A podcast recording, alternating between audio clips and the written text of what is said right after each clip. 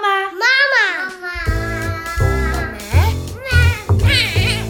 Mama. Welkom in de podcast van Mama Baas. Ik ben Tine de Donder en ik ben de gastvrouw van deze podcast. Wat mag je hier allemaal verwachten? Dat is vooral een antwoord op de vraag: hoe doen andere mama's dat toch? Volgens onze vaste formule maken wij een podcast vol echte verhalen van echte mama's. En die vullen we dan aan met oplossingen, tips en hulp van specialisten. En zo hopen we jou herkenbare verhalen te brengen. Verhalen waaruit jij misschien troost of steun kan halen, zodat je weet dat je niet alleen bent en dat het bij andere mama's toch ook niet altijd zo gemakkelijk gaat. Geniet ervan.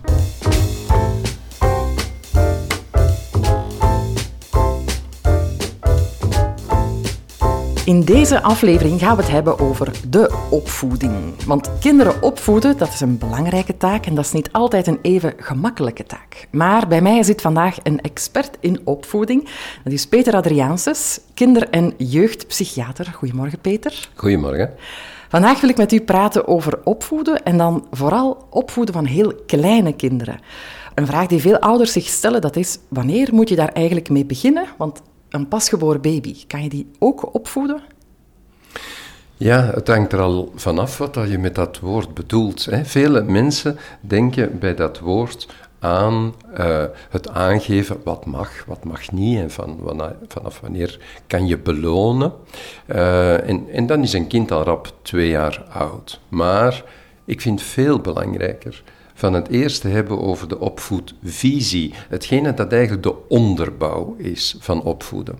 En dat begint heel vroeg in je leven. Namelijk op het moment dat jij als kind met poppen aan het spelen waart en mama en papa nadeed. Vele ouders kennen die genante situatie waarbij dat je jezelf nagespeeld ziet door je zoon of je dochtertje, eh, die op dat ogenblik eh, acht jaar, negen jaar is. En eigenlijk begint daar al onze fantasie over hoe ga ik dat doen als ik later kinderen heb. En dat zie je ook bij koppels, dat uh, we gelukkig in een tijd leven waar dat, uh, de meeste kinderen heel gewenst zijn en heel gepland er zijn. Dus dat wil zeggen dat de meeste koppels herkennen dat op een bepaald moment zijn ze daarover beginnen praten. Hè? Zouden we daaraan beginnen? Zijn we daar klaar voor?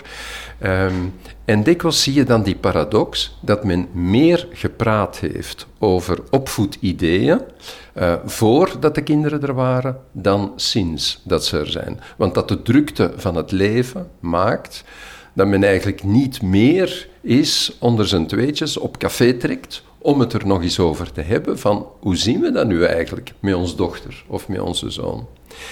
Dus dat praten vooraf, dat is, dat is belangrijk om onze visie te ontwikkelen. Hè? Want waarover gaat het? Waarom voeden wij op? Hè? Omdat voor de meeste mensen je wil dat je kind gelukkig is, een gelukkige volwassene wordt, die zelfstandig kan zijn, die voor zichzelf uh, kan zorgen, die voor een eigen toekomst uh, kan zorgen. Daarover gaat het. En opvoeden betekent dus vanaf de aller, allereerste seconde dat die baby er is en dat je die op je buik legt of in je armen neemt, dat die relatie begint. Dat je duidelijk maakt aan die baby: ik hou je vast. Eigenlijk is dat het belangrijkste symbool uh, in, het, in het leven. Dat is trouwens ook wat we met ons lief gedaan hebben. Je hebt elkaar vastgenomen op de dansvloer, uh, in bed. Uh, het is altijd dezelfde beweging als op het moment dat je geboren werd en dat er handen en armen om je heen geslagen werden. En waar je eigenlijk met de taal begint. Hè. Ik wil jou veiligheid geven. Hè. Uh, en ik wil jou leren kennen. Hè. En dat um, is zorgen voor de basisnoden van, uh, van, van je kind, van je baby. En op een bepaald moment komt er toch eens uh, het ogenblik dat je zegt: dit mag niet of dit gaan we niet doen. Ja. Kan je dat ook al zeggen tegen een baby van een paar weken oud? Wel, ik vind het ontzettend belangrijk van met baby's onmiddellijk te beginnen praten. Baby's horen in onze stem of dat dat met een warmte is dat we spreken, hè, liefdevol, dan wel, of dat wij kille checklistmachines zijn. Hè. Een beetje het gevaar van vandaag, vind ik, van kennis is dat mensen lijstjes kunnen terugvinden. Hè. Wat moet die kunnen op twee maanden, wat moet die kunnen op vier maanden. Ehm, terwijl dat, ja, onze baby's, onze kinderen zijn allemaal verschillend. Je moet daaraan snuffelen, verkennen, je moet nieuwsgierig zijn naar de ontwikkeling van je kind. En dus, wij laten pratend met onze baby horen. Waarom huilt die nu? Uh, moet ik je een beetje knuffelen? Moet ik je vastpakken? Moet ik je verpamperen? Laat luidop je stem horen, want je kind begint ook al meteen het verschil te leren. Laten we zeggen, hè, uh, echt dan vanaf de leeftijd van zes maanden ongeveer, hoort hij het verschil in uw stem tussen wat, vind je fijn en wat vind je van, oeh, nee, dat gaan we nu niet doen. Want tussen 6 en 9 begint hij nieuwsgierig te zijn uh, naar de wereld rond hem heen. Uh, en kan die dus ook al iets gevaarlijk vastnemen of iets dat te hard is, waardoor dat die dreigt mee in zijn gezicht te kloppen. Ja. Uh, alleen in mijn nee, nee, dat gaan we niet doen. Kom, hè, geef dat maar hier. Daarin is die baby afhankelijk of dat ik wel heel de tijd er mij bewust van ben dat een kind worden, van baby tot groter kind geraken, dat dat eigenlijk een heel complex verhaal is. Wij weten vandaag veel meer over die hersenen van baby's. Wij weten hoe afhankelijk kinderen zijn van hun eerste drie levensjaren. Uh, de jaren waarin dat er een explosie is van groei van hersencellen. En die hersenen zijn heel gevoelig voor alles wat dat ik met die baby doe. Geluidjes maken, kribbelen, uh, er tegen praten, die diep in de ogen kijken. Ik pak die baby op, zodat hij zijn, zijn gezichtje juist voor mij staat. En ik doe neuzen, neuzen, neuzen. En ik zing een liedje. Nou, dat zijn allemaal bombardementen, waardoor dat die hersencellen een kick krijgen, zich verbinden met elkaar. Hè. Eigenlijk zijn we daar de vaardigheden aan het opbouwen. Maar dus het eerste is eigenlijk al gezegd. Een kind moet natuurlijk het verschil horen tussen wat ik goed vind en wat ik niet goed vind. Zonder dat dat meteen in een corset zit van uh, streng zijn of uh, moeten straffen of zo. En wat vind je dan een goede manier om eh, een kindje terecht te wijzen als het bijvoorbeeld iemand bijt of iemand pijn doet? Ja, wel, bijten is een, uh, is een goed voorbeeld, want je ziet baby's van, van 7, 8 maanden die op het ogenblik dat mama of papa die tegen zich aandrukt, hè, dat ineens die baby bijt hè, in, in de hals bijvoorbeeld van mama. En dan uh, zie je dat het ja, misschien toch te vaak gebeurt dat, uh, dat men zegt, och, hè, ja, die, die weet nog niet goed wat dat die doet. Um, en ja, ja, men, men reageert niet. En dan wordt bijten eigenlijk een veel groter probleem. Want die baby, nou, die vindt dat gewoonweg fijn. Ja? Die, die voelt een huidcontact. Hè? En die baby heeft natuurlijk nog geen enkel besef van pijn doen. Dus ik moet wel duidelijk zijn. Ik moet wel duidelijk in mijn stem laten horen: hé, wat is dat hier? Dat doen we niet hoor. Dat doen we niet. Dat verschil in intonatie dat moeten we leggen. Er moet een groot verschil zijn tussen nee, dat doen we niet. Of, maar alleen manneke, wat zeg je nu aan het doen? dat gaan we niet doen. Die baby die verstaat natuurlijk niks van mijn grote theoretische kennis en uitleg. Die baby die kan alleen intonatie horen. Die kan alleen gelaat lezen. Dus wij moeten de expressie van ons gelaat oefenen. Iedereen uh, van ons kent wel een... Eh, heel vaak een, een, papa of een grootouder, waarvan dat de kinderen zeggen, ja maar ja, als die bliksemt met zijn ogen, dan weet ik, ja, nu moet ik oppassen of ik ga te ver. Nou, dat is, dat is fantastisch, want je hoeft niet eens heel hard uit de hoek te komen. Het is je gelaat dat duidelijk maakt, Ela, dit niet. Ja? Maar daarin moet je rekening houden met de leeftijd. En eigenlijk pas vanaf twee jaar begint een kind, doordat hij beter kan lopen, doordat hij beter kan praten, begint hij de wereld zich toe te eigenen.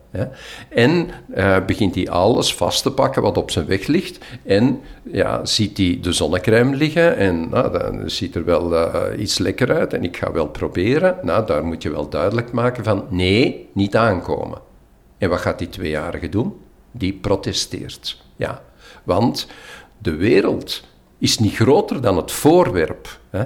Die, die ziet alleen maar dat voorwerp dat interessant is. Ook al zeg jij, ja, maar binnen een kwartier gaan we iets leuk doen. Nou ja, daar heeft die tweejarige niks aan. Ja. Dus, nee, die zonnecrème, die neem ik af. Ja. En ik laat dat duidelijk in mijn stem horen en ik leid mijn kind af. Hè. Kom, we gaan eens naar de keuken. Hè. We doen dit of dat.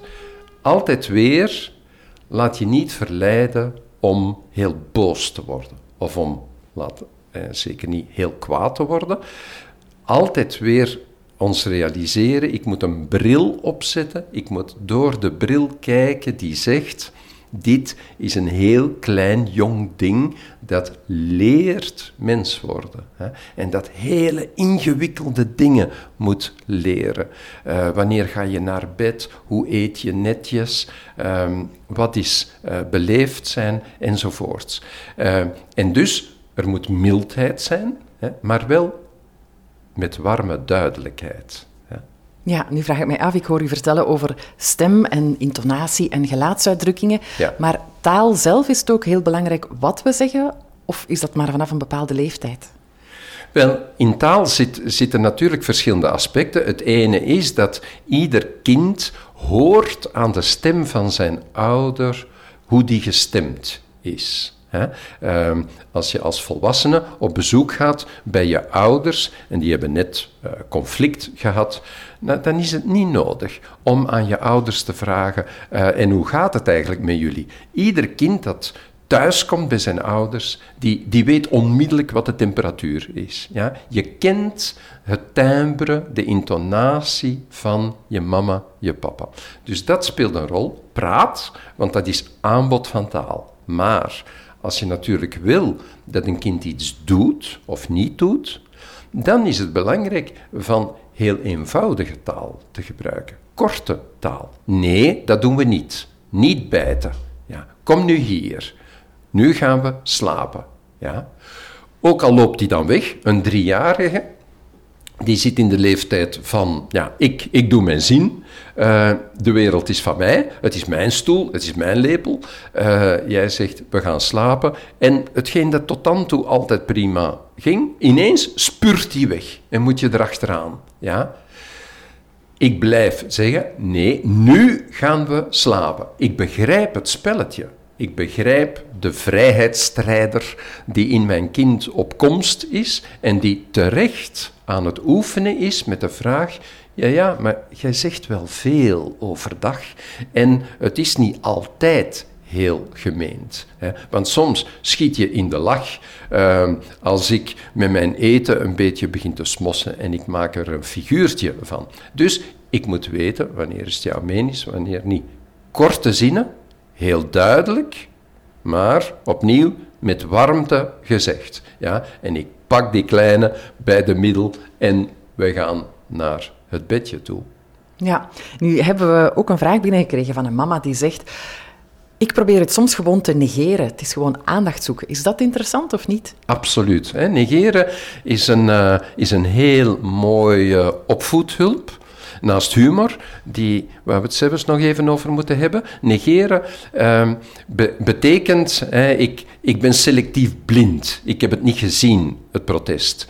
En ik, uh, ik zeg tegen mezelf, oké, dit zijn de kuren van, die, van de leeftijd, die horen er blijkbaar bij. Ik hou mijn rechte lijn vast. Hè.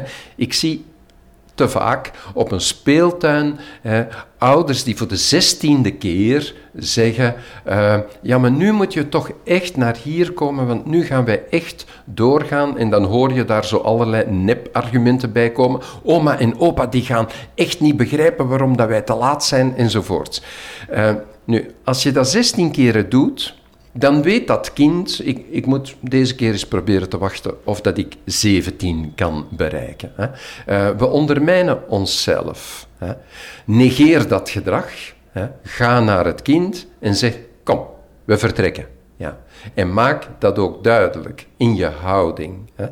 En in het negeren tonen wij eigenlijk aan een kind, ik snap wel dat jij bij momenten een guerrilla-strijder bent uh, die hier uh, je eigen goesting wil doen. Ik snap dat dat uh, hetgene is dat jouw lichaam nodig heeft om, om een beetje zelf in de wereld te leren staan. Maar ik onderscheid hoofdzaak en bijzaak. Hè? En als ik zeg, nu doen we dit, dan gaat het door. En ik ga niet discussiëren over uh, dat lepeltje of over dat stuk speelgoed. Dus dat is een hele goeie. En als hij dan toch niet luistert en niet wil meegaan? Ja, dan komt altijd die vraag, hè, vanaf wanneer mag je straffen? Hè? Uh, want om dat duidelijk te houden, uh, daar wordt wel eens onterecht, vind ik, uh, heel pathetisch over gedaan. Och, arme, uh, moeten kinderen al, jonge kinderen al grenzen krijgen. Ze gaan in hun leven nog uh, zo vaak begrenzing krijgen. Wel, kijk, uh, als wij als volwassenen in het verkeer geen reglement hadden en geen sancties, dan, dan zou het een puinhoop zijn. Dus we leren heel jong kinderen aan regels en grenzen en als je ze echt overtreedt, een gevolg. Uh, dat heeft te maken met leren samenleven. Hè? Het mogelijk te maken van een groep uh, te zijn. Uh, dus altijd natuurlijk in de eerste plaats wel de vraag: geef je genoeg aandacht aan positief gedrag. Als uw kind het goed doet, hè, uh, ja, dan is het belangrijk om het te zeggen. En dat is een boodschap waarvan ik toch wel zie dat heel veel ouders die mee hebben. Hè. Er wordt veel meer uh, geprezen en geapplaudisseerd en hoera geroepen dan dat dat in vroegere generaties was. Maar opnieuw, dat moet een evenwicht hebben. Met momenten van duidelijkheid. Momenten waar ook een straf kan nodig zijn hè, als deze 2,5, 3-jarige uh, absoluut, hè, bijvoorbeeld, iedere keer zusje gaat pijn doen. Uh, nee, dan, dan treed ik snel op, hè, dat is belangrijk, kort. Hè, dat wil zeggen, uh, ik zet die even aan de kant. En dat gaat dan over 15 seconden, dat gaat over 30 seconden. Dat klinkt voor ons als volwassenen niks. In de wereld van een kind is dat heel lang. Hè? Vergeet niet hoe vaak dat uw kind vraagt hoe ver nog, terwijl dat je nog maar net vertrokken bent met de auto. Dus tijd duurt, uh, heeft een hele andere dimensie voor een kind. En als die uit de hoek komt, dat ik ook onmiddellijk terug aansluit bij het positieve. Hè? Dat is fijn, dat je terug gaat spelen. Ja? Um, en niet blijft zitten, en dat, dat, is een beetje moeilijker voor ons als volwassenen. Hè? Wij denken van, potdorie, hè, dat is nu al vijf dagen aan een stuk, uh, dat dat probleem zich voordoet. Uh, heeft hij het nu nog niet door? Dus ik riskeer een beetje uh, bitter te zijn. Dat als die uit de hoek komt, dat ik dan nog eens ga preken. Hè? En dat gaat nu gedaan zijn, hè, want het is nu iedere dag zo. Nee, nee dat preken, nou, dat moet ik maar proberen voor mezelf te houden. ga zelf even in de hoek staan.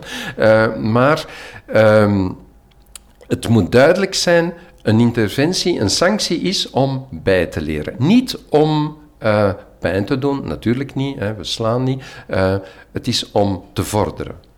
Ja, nu, je zei het daarnet al, deze generatie van uh, ouders staat veel bemoedigender aan de zijlijn. Hè. Er ja. zijn veel meer complimentjes en applaus. Kan je dat ook te veel doen met je peuter of kleuter? Ja, ja. Want uh, als we zeggen dat het altijd in verhouding moet zijn tot de realiteit, dan wil dat zeggen dat we niet in een, in een naïef, over geweldig vinden van ons kind moeten brengen jonge kinderen, zeker jonge kinderen, worden heel vaak op de tafel getild. Ieder uh, gedichtje dat hij leert, ieder nieuw woordje dat hij zegt, hè, is reden voor uh, geweldig bravo. Uh, dat moeten we wel in verhouding houden. Hè, want als dat betekent dat men de leuke sfeer niet wil bederven, door te zeggen: hé, hé, maar dat gaan we hier niet doen. Als we hier aan tafel zitten, dan eten wij samen. En je gaat niet de tafel af om uh, te gaan spelen hè, en dan straks, of alles wat we hier op tafel zitten, van te zeggen: nee, dat wil ik niet, dat wil ik niet. Uh, oma, ik wil een worstje. Hè. Nee, wij eten samen wat op de tafel staat. Nou, uh, je, je ziet dat mensen bij momenten niet durven uh, die duidelijkheid geven, omdat ze bang zijn van de leuke sfeer te bederven. Omdat hun kind onmiddellijk een pruillip trekt omdat ze ja, toch ook heel vaak zich schuldig uh, voelen. Van ja, maar ja, ik, ik ben wel de hele dag op mijn werk geweest. Hè. Ik zie mijn kind anderhalf uur wakker. Ik ga dat nu toch niet verknooien. Wel, uh, denk weer opnieuw. Dit gaat over hele jonge hersenen die vergeten ook heel snel als een negatief moment. Een moment dat je even gezegd hebt: nee, dit niet. Ja? En je laat dat onmiddellijk terugvolgen met Ah, zo, voilà. Zie je wel dat je het kan. Ja? Het positieve en dat negatief moment in balans houden. Ja, nu um, iets wat iemand ons ook ingestuurd heeft, dat is, mag je eigenlijk uh, een kind zo aanmoedigen en belonen of neem je dan de intrinsieke motivatie weg bij zo'n kind? Moet je daarover nadenken? Wel, uh, wij blijven Vlamingen en Vlamingen staan altijd een beetje wantrouwig tegenover aanmoediging en beloning. Hè. Het is toch iets wat dat wij blijkbaar doorheen de generaties meegeven, hè, dat uh, te, te veel positieve opmerkingen bederft een kind. Hè. Uh, want een kind moet toch aangemoedigd worden het onderste uit de kant te halen van zijn mogelijkheden. Wel, daar is heel veel onderzoek rond. Trouwens, kijk maar even naar het burn-out verhaal van de volwassenen vandaag de dag. Uh, daar zal je iedere keer weer lezen in onderzoek dat het risico groter is bij volwassenen die zich op hun werk niet gewaardeerd voelen, die nooit eens een erkenning krijgen, alleen maar opmerkingen als iets sneller moet uh, of anders zou moeten. Dus dat geldt zeker voor die hele jonge kinderen. En opnieuw, opnieuw weet dat er binnen in dat hoofd bedrading zit, die zit te wachten op een groen licht, dit is een hele goede draad. Dit is beter leren praten. Dit is fijn leren samenspelen. En door veel groene lichten te zetten, dit doe je goed en dat doe je goed en dat is echt heel fijn, leert die bedrading veel beter. Welke draden moeten wij sterker maken? En degene die je afkeurt, die worden ook afgebouwd. Dus dat, uh, ja, we, we, we, moeten daar niet bang voor zijn, voor dat positieve. Ja, daarnet had je het over humor in de opvoeding. Daar ben ik ook heel benieuwd naar. Ja, opvoeden moet in de eerste plaats speels zijn. Ik, ik heb natuurlijk er zelf veel boeken over geschreven en die zijn wel goed om te lezen en in het achterhoofd te houden. Maar het kan nooit de bedoeling zijn dat de kennis die er is over opvoeden, dat dat de hoofdmotor wordt. Je moet snuffelen aan je kind. En alle ouders die twee of drie kinderen hebben, die, die zullen dat herkennen. We hebben ze toch allemaal een beetje op dezelfde manier gemaakt. En toch zijn die resultaten heel verschillend. Ehm, toch moet je heel erg de stijl van ieder kind leren kennen. De ene die moet je toch drie keer oproepen voordat hij opstaat en de andere ja, die springt meteen uit bed. Ehm, nu, dat betekent dat speels in speels omgaan met, met het opvoeden uh, ook voor kinderen een hele fijne ervaring is. Je tweejarige, tweeënhalfjarige, die, die begint te tonen dat hij zelfstandig is uh, en, en die wil kost wat kost, uh, zelf al met de lijm werken. nou, en jij gaat ook je zo gedragen. Hè? Oh nee, um, ik denk dat ik dat beter kan. Uh, je, je weet dat je kind eigenlijk al uh, interesse begint te hebben voor puzzels en je trekt die puzzel naar jou toe, zodat hij die moet afpakken. Hè? Je stimuleert eigenlijk de oefening van zelfstandigheid hè? en je pakt die terug en je zegt nee, nee, nee, het is veel te moeilijk, is veel te moeilijk. En het kind begint te grijnzen en trekt die terug naar zich. Dus je, je gebruikt uh, plaaghumor, hè, speelse humor, om het kind eigenlijk aan te moedigen in de ontwikkeling waar dat hij mee bezig is. Hè. Je, je driejarige, hè, die in alles zijn ik vooruit zet. Hè. Ik kan dat het beste. Hè. Nee, ik kan beter voetballen dan jij. Hè. We gaan eens zien, enzovoort. Ehm, dus uh, ja, een, een leuke sfeer houden, hè, dat maakt ook dat uh, kinderen graag bijvoorbeeld naar de kleuterklas gaan. Hè. Waarom? Omdat ze op een leuke manier daar nieuwe dingen leren. Terwijl het in het begin natuurlijk wel wat beangstigend is, zo een paar uur ergens naartoe gaan. -hmm. Peter, ik heb nog een allerlaatste vraag. Eentje heel actueel over deze coronatijden. Baby's geboren in de lockdown of misschien net voor de lockdown. Ondertussen zijn dat peuters geworden die eigenlijk bijna niemand anders gezien hebben dan hun ouders en misschien iemand op de crash. Hoe bepalend is dat voor hen? Wel, uh, ik, ben eigenlijk wel blij dat je die vraag stelt, want uh, ik ben niet zo gelukkig met het feit dat er zoveel pessimistische uitspraken gebeuren over de impact van corona op jeugd. Hè, dat we meer problemen tegemoet zijn, dat er uh, schoolachterstanden gaan komen enzovoort.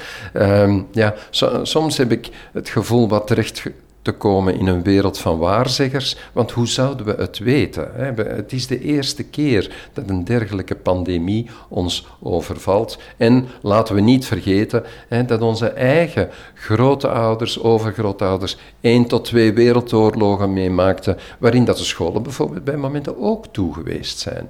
Um, dus uh, vergeet niet, baby's, jonge kinderen zijn heel afhankelijk van de stemming van hun ouders. Als ik als mama, papa uh, duidelijk maak van wow, uh, dat wordt wel een andere wereld met, uh, met corona en na corona.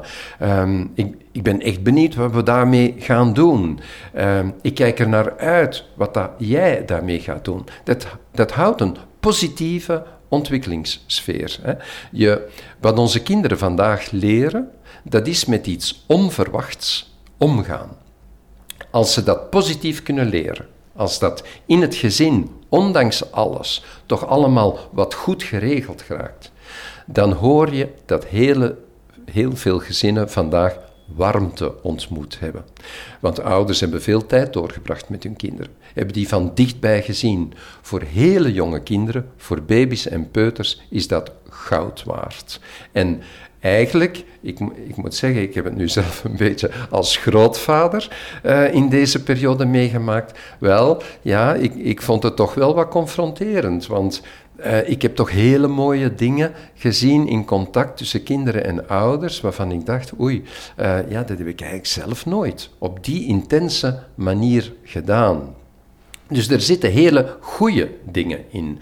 Het uh, corona waarschuwt ons, ik wil die kans toch ook even grijpen, dat we toch ook uh, meer aandacht gaan moeten geven aan onze levensstijl. En wat bedoel ik daarmee? Uh, een van de alarmtekens die we vernemen uit de afdelingen intensieve zorgen is dat obesitas een, een echte risicofactor is. En wij weten allemaal dat het aantal alarmberichten over het gewicht van kinderen en jongeren dat neemt heel erg toe. Dus het is ook de tijd om met z'n allen werk te maken van gezonde voeding, hè, van goede conditie, sport, uh, buiten komen. Die, die zaken zijn heel belangrijk. Iedere generatie moet aan zijn kinderen dromen aanbieden. Wij moeten aan de kinderen duidelijk maken er ligt een nieuwe wereld voor jou te wachten. Wij, wij zitten te wachten op de mensen die uh, de economie uh, opnieuw vorm gaan geven, die voor de ecologie gaan zorgen, die uh, nieuwe ideeën hebben om ons verkeersinfarct op te lossen. misschien moet ons financieel systeem en, en bankensysteem een, een andere draai krijgen. Dus wij kijken uit naar wat die nieuwe generatie ons gaat brengen. Dat is een boodschap die ze heel erg nodig hebben. Dus eigenlijk zit er in corona een kans voor de opvoeding? Absoluut, absoluut. Oké, hartelijk dank. Dat zijn heel wijze woorden. Dank je wel voor dit interview. Graag gedaan. Je luisterde naar de podcast van Mama Baas. Interviews en montage waren in handen van mezelf, Tine de Donder. Ben je benieuwd naar de volgende aflevering of wil je niks van deze podcast missen? Surf dan zeker naar mamabaas.be. Of nog beter, abonneer je nu meteen op deze podcast. Dat kan je helemaal gratis doen via Spotify of via een andere podcast-app. Vond je het een fijne podcast? Vertel het dan zeker door aan andere mama's en geef ons alsjeblieft een goede review, want dat zorgt ervoor dat nog meer mensen deze podcast kunnen terugvinden. Heel graag tot de volgende keer.